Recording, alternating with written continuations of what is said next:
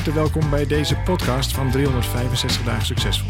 Wij zijn David en Arjan en we delen in deze podcast de eye-openers die cruciaal zijn voor een gelukkiger leven.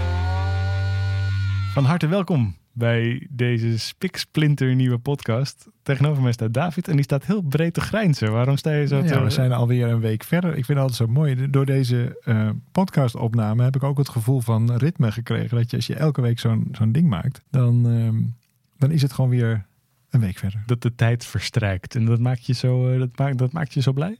Nou, ik vind het leuk om te doen. En nou ja, kijk, dat is helemaal off topic overigens. Maar dingen in een ritme doen, dan krijgt iets ook de kans om zich te ontwikkelen, om iets te worden. En ik vind het heel leuk om te zien dat het maken van een podcast leuk is om te doen en ja. dat het goed ontvangen wordt. Want als wij kijken naar de doelstelling die we hadden gesteld bij het uitzenden van deze podcast en eens te kijken wat dat, wat dat doet. Qua aantal luisteraars. Qua aantal luisteraars. Ja. Dan doet dat dus veel meer dan wij hadden verwacht. Bijna twee keer zoveel ja. mensen luisterden ernaar dan, dan wij aanvankelijk hadden gedacht. Nou, dat vind ik echt super leuk. Dus dat, dat is dan ook nog een extra boost om er dan uh, iets moois van te maken. We hebben, wij hebben ook nieuwe microfoons gekocht en zo. Ja, dus, ja, ja, we zijn nee, ook in ontwikkeling. Het is nu, echt, uh, we zijn helemaal aan op dat Ja, toch? Dat is echt, heel leuk. Ik ben benieuwd of je het kan horen. Dat het nu opeens zo goed klinkt. Ja. Het is wel grappig dat je dat nu zegt, want even voor jouw luisteraar hier naar zit te luisteren, dan, dan hoe dit meestal gaat. Meestal ben ik degene die uh, al van tevoren de weet wat we gaan bespreken. En David is meestal degene die daar nog niet van op de hoogte is. En dan introduceer ik een onderwerp van nou hier gaan we het met elkaar over hebben. En dan komt vaak ook daar de eerste improvisatie in. En zonder dat je het in de gaten hebt, heb je eigenlijk nu een mooi bruggetje gemaakt naar waar ik graag wil dat we in deze podcast met elkaar iets Nou. over gaan kletsen. Enlight me. Wat ik leuk vind is uh, deze vraag. Hoe leer ik op mijn gevoel te vertrouwen? Mm -hmm. En waarom ik denk dat het zo'n mooi bruggetje is, is dat we eigenlijk alle twee al een jaar lang of zo tegen elkaar zeiden: Oh, die, we zouden iets met podcast moeten doen. Dat, Mhm. mm -hmm. Terwijl we hadden er helemaal geen verstand van. Ik zelf luister nooit naar podcast, dus ik weet er ook helemaal niks van. Nee.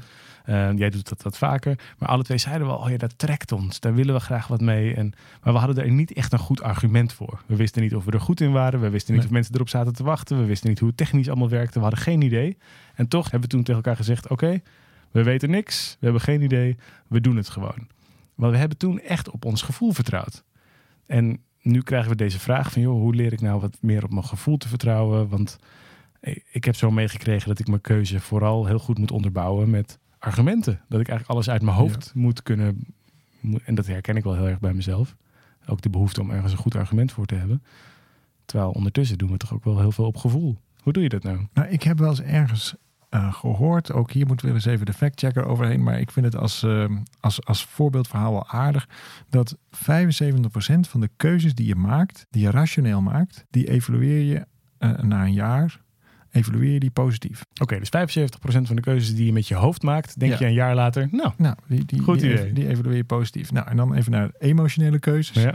Ook 75% van de emotioneel gekozen dingen evalueer je een, een jaar later positief. Ja. En dan doen die percentages er helemaal niks toe. Dus ook confirmation bias, toch? Je hebt nou eenmaal iets gekozen en dan ga je later tegen jezelf zeggen dat dat een goede keuze was. Nou ja, prima. Maar als, Ja. als jij maar ervaart dat het een goede keuze is, is het een goede keuze. Ja. En al, al was het maar allebei 50% geweest. Je Het punt is dat het niet is- uitmaakt. Precies, het is allebei hetzelfde. Nou, het maakt heel veel uit. Maar het interessante is dat de percentages zijn gelijk. Ja. Bleken gelijk. Ja. Ik weet namelijk niet meer precies het 75% was of 50 of 60. Doet er niet toe. Het is precies gelijk. Ja, want wat er uitmaakt is de snelheid natuurlijk. Exact. Ja. Want je emoties. En ik, ja, ik heb met, met mijn eh, vorige compagnon van mijn vorige bedrijf. Daar hadden we ook zelfs een, een bedrijfsregel over. Als het niet goed voelt, doen we het niet. Nee. Waarom? Omdat elke keer als we toch ja zeiden. Omdat onze mind het soort van overschreef. Van nee, maar dit moeten we echt doen. Ja, het voelt niet zo goed. Maar dit is zo'n grote kans. We gaan hem toch pakken. Liep altijd slecht af.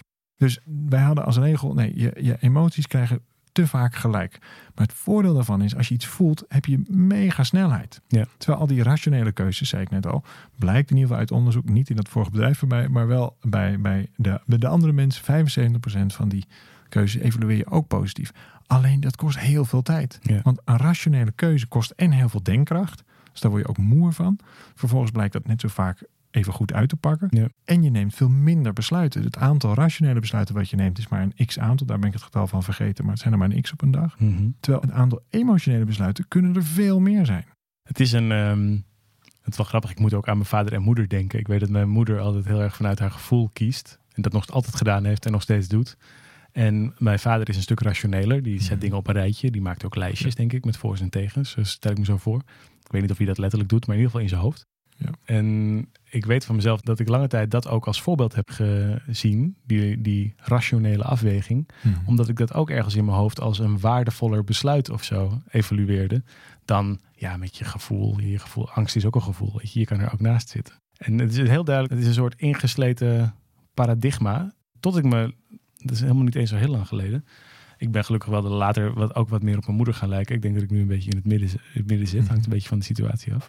Maar wat ik leerde, is dat het vanaf de verlichting, zo'n beetje, de, de jaren van, nou ja, zo'n beetje de 16e, 17e eeuw, toen opeens is als een soort tegenbeweging ook op een sterke religieuze cultuur en op een, een cultuur die juist heel erg ging over de onderbuik, ehm, of, of meer over het lijf ging, is er een tegenbeweging gekomen die het hoofd boven alles plaatste. Weet je, ik denk dus ik besta bijna alsof het iets, an, iets buiten jezelf. Je hebt het hoofd en het lijf alsof het twee losse dingen van elkaar zijn. Ja. Waarbij de werkelijke waarde in het hoofd zit. Nou, dat heeft zich vervolgens op allerlei manieren doorvertaald naar hoe onze economie werkt, hoe onze gezondheidszorg, ons democratische systeem. Alles is ingericht Hoe de op hele basis van- psychologie is ingericht. alles, ja, alles is ingericht op het hoofd boven eh, Ja. eh, Mind eh, over body. Mind over body, precies dat. En dat paradigma is volgens mij wel interessant om te zien in hoeverre het je nou nog helpt of in hoeverre het je ook in de weg kan zitten. Nou, moet je eens voorstellen dat je heel goed zou kunnen bedenken waarom je gelukkig zou zijn. Ja. Je kunt vreselijk goed, je hebt allerlei argumenten op jouw lijstje staat eigenlijk, ja, ik zou eigenlijk heel gelukkig moeten zijn, maar je voelt het niet. Nee. Ben je het dan? Ben je het dan? Nou, ik denk het niet. Nee. Terwijl op het moment dat je je zielsgelukkig voelt, je hebt geen idee waarom, ben je het dan? Ja. Volgens mij wel. ja, geluk is redeloos. Exact. En ik denk dat het leven ook echt interessanter wordt. Niet altijd makkelijker, maar wel interessanter wordt. Op het moment dat je in ieder geval daar vrijer in wordt. Dat Ja. je keuzes durft te maken omdat ze simpelweg goed voelen. Ja. Ik ga daar nog een stapje verder in. Dat ik de, de keuzes die ik maak niet alleen baseer op wat goed voelt. Nou, misschien is het ook wel omdat dat dan goed voelt. Maar laat me je het voorbeeld geven. Wij waren op zoek naar een nieuwe business coach. En jij kan je dat moment nog goed herinneren. Wat is ongeveer, eh, ongeveer een jaar geleden. Iets, meer, Mhm. iets minder dan een jaar geleden. Ja. En we hadden net een, een traject afgerond met een business coach. En, en eh, jij, Arjan, kwam het, eh, ons kantoor binnen. En toen zei je van, David, ik denk dat het voor ons weer goed is om opnieuw te gaan zoeken naar een business coach. Ja. Dan had ik precies op dat moment, eh, echt een minuut eerder of zo, had ik mezelf dezelfde vraag gesteld. Van, goh, het zou mooi zijn als er een nieuwe Hm. business coach is. Ik krijg, terwijl jij mijn kantoor binnenkomt lopen, een WhatsAppje van een kennis van mij. Ja. En die jongen die zegt, joh, ik heb nou toch een business coach ontmoet. Ga daar gewoon eens een keer mee skypen. Ja. En die man die woont vreselijk ver weg, maar eh, briljant. Ga dat eens doen. Ja. En ineens, dus in, in mijn, nou ja, toevalligheid zou je Mhm. kunnen zeggen, komt er dus een willekeurige, spontane business coach op ons pad. Ja. Ik vind het leuk om dan geen vragen meer te stellen. Ja. Wij hebben het erover. Ik krijg nooit aanbiedingen van business coaches. Dat is letterlijk nog nooit gebeurd. Nee. Precies op het moment, en ook exact op dat moment. Ja. Komt het ineens op mijn telefoon. Je moet eens eventjes deze meneer bellen. Gewoon, Ja. gewoon eens, ga eens kijken of dat klikt. Nou, heb ik gedaan. Vervolgens heb ik verder geen vragen over gesteld. Geen longlist gemaakt. Geen shortlist gemaakt. Heb ik mee geskyped. Jij hebt daar later nog een, eh, een, een uur mee, mee geskyped. Het voelde verder hartstikke goed. En we zijn met die man een traject aangegaan. En Ja. het is nog steeds onze business coach. Maar zie je dit, in, dit dan als een keuze van puur op je gevoel vertrouwen? Nou, wat ik er zo leuk aan vind, nee, het is één stap verder nog. Wat ik er zo leuk aan vind, is dat het zich ontvouwt. Ik vind Ja. het leuk. Ik vind het zelfs eh, een zekere mate van spannend. Of, of eh, de Engelsen hebben daar een beter woord van, een soort excite, exciting. Mhm. Dat het zo toevallig is dat ik het leuk vind om dat te volgen. Ja. En zo ontvouwt het zich meer. Kijk, Ja. het is natuurlijk ook gewoon stom toevallig, zou je kunnen zeggen. Ja. Maar ik vind het leuk om dat soort draadjes van stom toevalligheden te volgen. Ja. En dat voelt dan vervolgens ontzettend goed. En natuurlijk hadden we een longlist kunnen maken van tien coaches en misschien een shortlist. En dan hadden we hem op kunnen plaatsen. En dan waren we een maand verder geweest. En dan hadden we Mhm. met tien verschillende mensen gesprekken moeten hebben. En dan was het ongetwijfeld ook goed gekomen. Ja. Ik vind alleen deze variant leuker. Oh ja. En ik ben dat steeds meer gaan doen in mijn leven. Steeds meer, steeds meer. Eigenlijk onze hele samenwerking is eigenlijk zo begonnen. Wij- Jij, jij ging met mensen eh, lunchen en afspreken. En hadden het idee dat we iets moesten doen samen, hadden ja, geen idee hadden- we vonden gewoon leuk om dat samen eens te verkennen. En toen Ja. kwamen we op het idee, volgens mij was ons allereerste idee zelfs een scheurkalender. Ja, die is er nog gekomen ook. Die is ooit, eh, wat bijna tien jaar later is die nog gekomen ook. Maar het, het interessante is, dat is eigenlijk allemaal onderbuik. Nou, ik, ik heb een, een, ehm, een, een, een wijze grootvader gehad. Hij is, eh, hij is helaas overleden. Ik droomde vannacht nog over hem trouwens. Boeiend. En hij zei altijd, alles is uiteindelijk een emotionele keuze. Hm. Zelfs de meest rationele afweging. Waarom weeg je het rationeel af?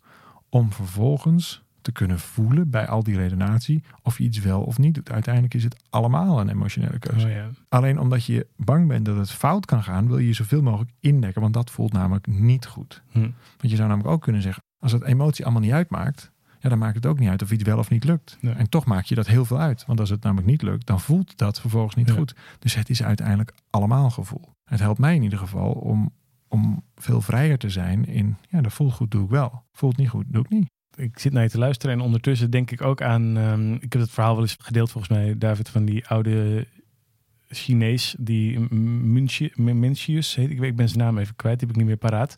Maar die had het over de Shin, over de hartgeest. En die zei ja, dat hele onderscheid tussen kiezen met je hoofd, kiezen te- met, je, met je gevoel. Het, is, het slaat nergens op. Het is vals dualisme. Het bestaat helemaal niet. Het gaat erover dat je die twee dingen met elkaar verenigt. En dat je dus helemaal niet hoeft na te denken over kies ik met mijn gevoel of kies ik met mijn hoofd. Maar hoe kies ik?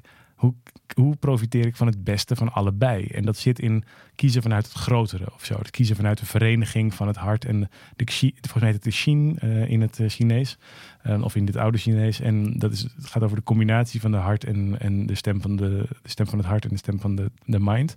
En ik kom erop omdat je ook vertelt over die business coach. Want dat lijkt natuurlijk heel erg een gevoelsbesluit. Van, oh ja, precies op dat moment, alles komt samen. Mijn intuïtie zegt ja. Maar ik geloof dat dat juist zo voelt, omdat er ook een rationeel proces aan. We waren natuurlijk eigenlijk al een tijdje in gesprek, ook over, joh, waar moet een goede business coach aan voldoen? Wat hebben we zelf eigenlijk voor problemen op te lossen? Wat hebben we daarvoor precies? En, en juist omdat we die exercitie al gedaan hadden, kom je tot een. eh, klopt, klopt het opeens? Ja, anders wordt het willekeur. ja, het heeft dus anders, al, het schiet ja. alle kanten op. Ik heb wel eens een reis gemaakt, dat is wel grappig. Een, een, een, ehm, een goede vriend van mij, nog steeds een hele goede vriend. Wij hadden eh, in onze jonge jaren hadden wij eh, een reis gemaakt op basis van een gesprek met willekeurige mensen die wij tegenkwamen. En als er dan in dat toevallige gesprek een plaatsnaam of een land werd genoemd, dan moesten wij daar naartoe. Oh ja. Dat ging alle kanten op en was dodelijk vermoeiend. Totdat uiteindelijk noemde iemand Groenland of de Faroe-eilanden, zoiets was het. Eh, En toen waren we klaar. Dus hebben we, nee, wacht even, dit, dit gaat te ver. Dit gaan we gewoon niet meer doen. Het was een bizarre tocht. Dus dat was een soort van, dat, dan worden dingen niet meer logisch of toevallig. Of dan wordt, is het eigenlijk geen uitleiding. Dat was Nee. gewoon volkomen willekeur. Ja. En dat was vooral heel erg vermoeiend. We schoten letterlijk heel Europa door. En uiteindelijk Ja. moesten we dus naar de Faroe-eilanden. En dat was het einde van onze trip. Want dat konden we namelijk niet betalen op dat moment. En dat gaf dus helemaal niet zo de lol van de logica. Dus ik Nee. denk dat je daar een heel goed punt maakt. De, de ontvouwing wordt interessant als dat binnen het gebied is waar jij je op afstemt. ja. Dus wij hadden al aangevoeld, besloten, besproken, en zelfs in een plan gezet. Hey, het is goed om ons te laten begeleiden. Ja. Nou, we hadden een traject afgerond met iemand, maar dat betekent niet dat dan ineens dat plan Nee. herzien werd. Nee. We hadden gewoon een vacature, alleen was dat nog niet zo Ja. opportun. En dus vallen dat soort toevalligheden vallen op zijn plek. Maar Ja. er moet wel een plek zijn om het in te laten vallen. ja. En dat is wat wij wel elk jaar doen. Toevallig doen wij dat volgende week ook weer, of over twee weken. Ja. Dan gaan we met ons kernteam gaan we eh, weer een aantal dagen de hei op. En dan gaan we weer, best wel rationeel eigenlijk, gaan we dat gewoon weer maken. Gaan we, Ja, gaan we ons afstemmen op, nou, hoe willen we dat de komende jaren eruit zien? Wat is daarvoor nodig? Wij noemen dat dan strategie-sessies, maar dan gaan we zo'n strategie-sessie doen. Daar zit ook een, ja, ik zie je, zie je enorm twijfelen. Want het Nou, is namelijk ja. niet alleen maar, Nee, waar ik over na Eh, zit te denken. Kijk, ik, ik dacht namelijk, er, er is geen goed Nederlands woord voor dat Chin, voor dat hartgeestwoord, wat die, wat die oude Chinees eh, Mhm. gebruikt. Maar dat is denk ik niet waar, want dat is er namelijk wel en dat is intuïtie. ja, Omdat je gevoel is echt iets anders dan je intuïtie. ja, want je heel tijdelijk, heel hormonaal. Exact, heel, heel precies. erg angstgedreven. heel erg, ja, exact. Dat is, dat is je gevoel. En dat is dus heel vaak helemaal niet van die goede of informatie. driftgedreven. Ja, drift. ja, veel vaak vanuit lagere regionen. Vermijdend of juist vechtend. En, daar, en helemaal niet per se. Al, in ieder geval nooit goed uitgelijnd. Dat, eh, of afgestemd, zoals jij je dat maakt noemt. nu een, een onderscheid. En intuïtie is dat wel. Ja, er zijn wel wat esoterischere stromingen die, die zeggen de ziel spreekt via je emoties. Hmm. En, en daarvan denk ik nu te begrijpen als je dit zo eh, dat onderscheid nog maakt. De ziel spreekt via je intuïtie. Dat denk ik. Ik ja. denk op het moment dat je een huis ooit wel eens een huis hebt gekocht, dan, dan heb je dat wel eens gevoeld. Een huis is gewoon een te grote aanschaf om helemaal rationeel te kunnen bedenken. kun je niet overzien. kun je niet overzien. Nou, het lijstje plus wordt net zo lang als het lijstje min als je er maar lang genoeg over nadenkt. Ja. Dus wanneer weet je dat? Vaak als je de deur open doet. Ja. Een bepaalde lucht die je ruikt, iets wat je ziet. Het, Ja. Een onbewust gevoel dat ineens lijkt te kloppen. Ja. Nou, dat zou ik willen bestempelen als intuïtie. Ja. En, en dan, dan zie je jezelf eigenlijk in, dat, in diezelfde golf van het klopt hier of het klopt hier juist niet. Maar dan, dan zie je jezelf daar dus juist wel of niet wonen. Ja. En dat is vaak genoeg. En dan ga je er allerlei rationele argumenten bij verzinnen. Natuurlijk, want kan ik het wel betalen en wil de bank wel meewerken. En dan moet je formulieren invullen, noem het allemaal. Ja. Dus dan neemt de mind het gewoon weer even over. En dat is ook heel nuttig. Ja, maar je gevoel neemt het ook over, want je vindt het ook spannend of juist heel excited. waar. En, ja. en juist in die combinatie vind je dus elkaar weer. En daar vinden dus dat de, die hartestem en die geeststem vinden elkaar zich. En dan ont...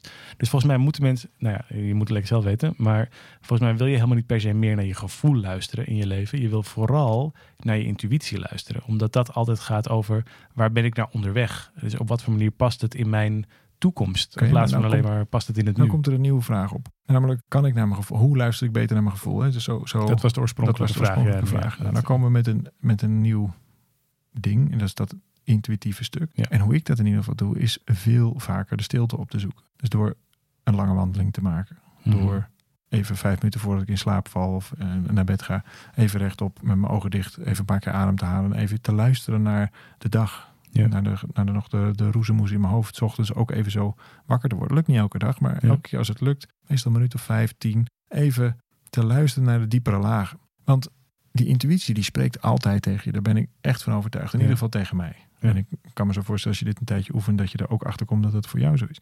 Alleen wij zijn zo verrommeld in ons leven. Er is zoveel afleiding. Als het eerste is wat je doet, ochtends is je telefoon pakken en, en Facebook open, openklappen, dan weet je één ding zeker: dat er heel weinig ruimte is voor dat contact met die Ja. diepere laag in jou. Ja. En ik denk dat het heel waardevol is om, eh, of in ieder geval is het heel waardevol voor mij, om veel meer te luisteren en dan meteen met, met afleiding aan de slag te gaan. Ja. En het helpt denk ik ook heel erg om niet de ratio af te wijzen.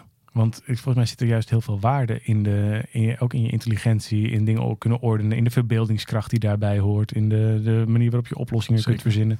En het En- kunnen begrijpen, want een ervaring aan zich heeft nog helemaal geen context. Nee, dat is wat kinderen, wat baby's doen. Ja, dat is een soort totaalwaarneming waar je in verzuipt. Want je, je, je begrijpt niet binnen waar dat plaatsvindt. Nee. Terwijl op het moment dat je er context aan kunt geven, en dat doe je echt met je mind, dat je dat kunt ordenen, dat je daar een, een, een bepaalde eh, vervolggedachte bij hebt, Ja. eh, dan pas krijgt het waarde. Ja, dus het gaat er niet over dat je minder in je hoofd wil zitten, minder wil denken. Het gaat er ook niet per se over dat je nou heel veel meer de hele tijd maar in je contact met je gevoel, maar vooral dat je die twee dingen met elkaar weet te verbinden en jezelf de vraag stelt: oké, wat weet je, waar, waar ben ik op, waar ben ik nou onderweg of zo? Wat, op wat voor manier, eh, waar zie ik mezelf misschien wel over een paar jaar? En te zien of uit dat soort vragen ook antwoorden komen op dilemma's of zo waar je nu mee rondloopt. Nou, het is wel een interessante vraag. Durf ik mijn intuïtie volledig te vertrouwen? En als dat antwoord niet 100% ja is, wat dan wel? Gaan we het de volgende keer over hebben. Mooi. Thanks voor het luisteren. Fijn dat je, er, ehm, dat je er weer bij was. Als je hier meer over wilt, weet dan dat op 365podcast.nl er altijd iets voor je klaar staat. Wat je kunt downloaden, wat je kunt lezen, waar je nog een volgende stap mee kunt zetten als je dat leuk vindt. Eh, krijg je van ons cadeau, kun je gewoon mee verder als je het leuk vindt. Ehm, weet ook dat wij eh, nog even doorgaan met het maken van deze podcasts voor je. Fijn als je het met mensen deelt, als je er enthousiast over bent. En heel fijn als je terugpraat. Dus leuk als je laat weten via sociale media of op andere manieren. Waarvan, je, waarvan jij nou echt vindt dat wij daar een keer met elkaar over mogen kletsen. Dan gaan we dat wellicht doen. En eh, we waarderen sowieso heel erg om van je te horen. Zodat we het eh, nou ja, een beetje samen doen. Vind ik mooi. Dankjewel weer voor deze keer. Heel mooi. Tot volgende week.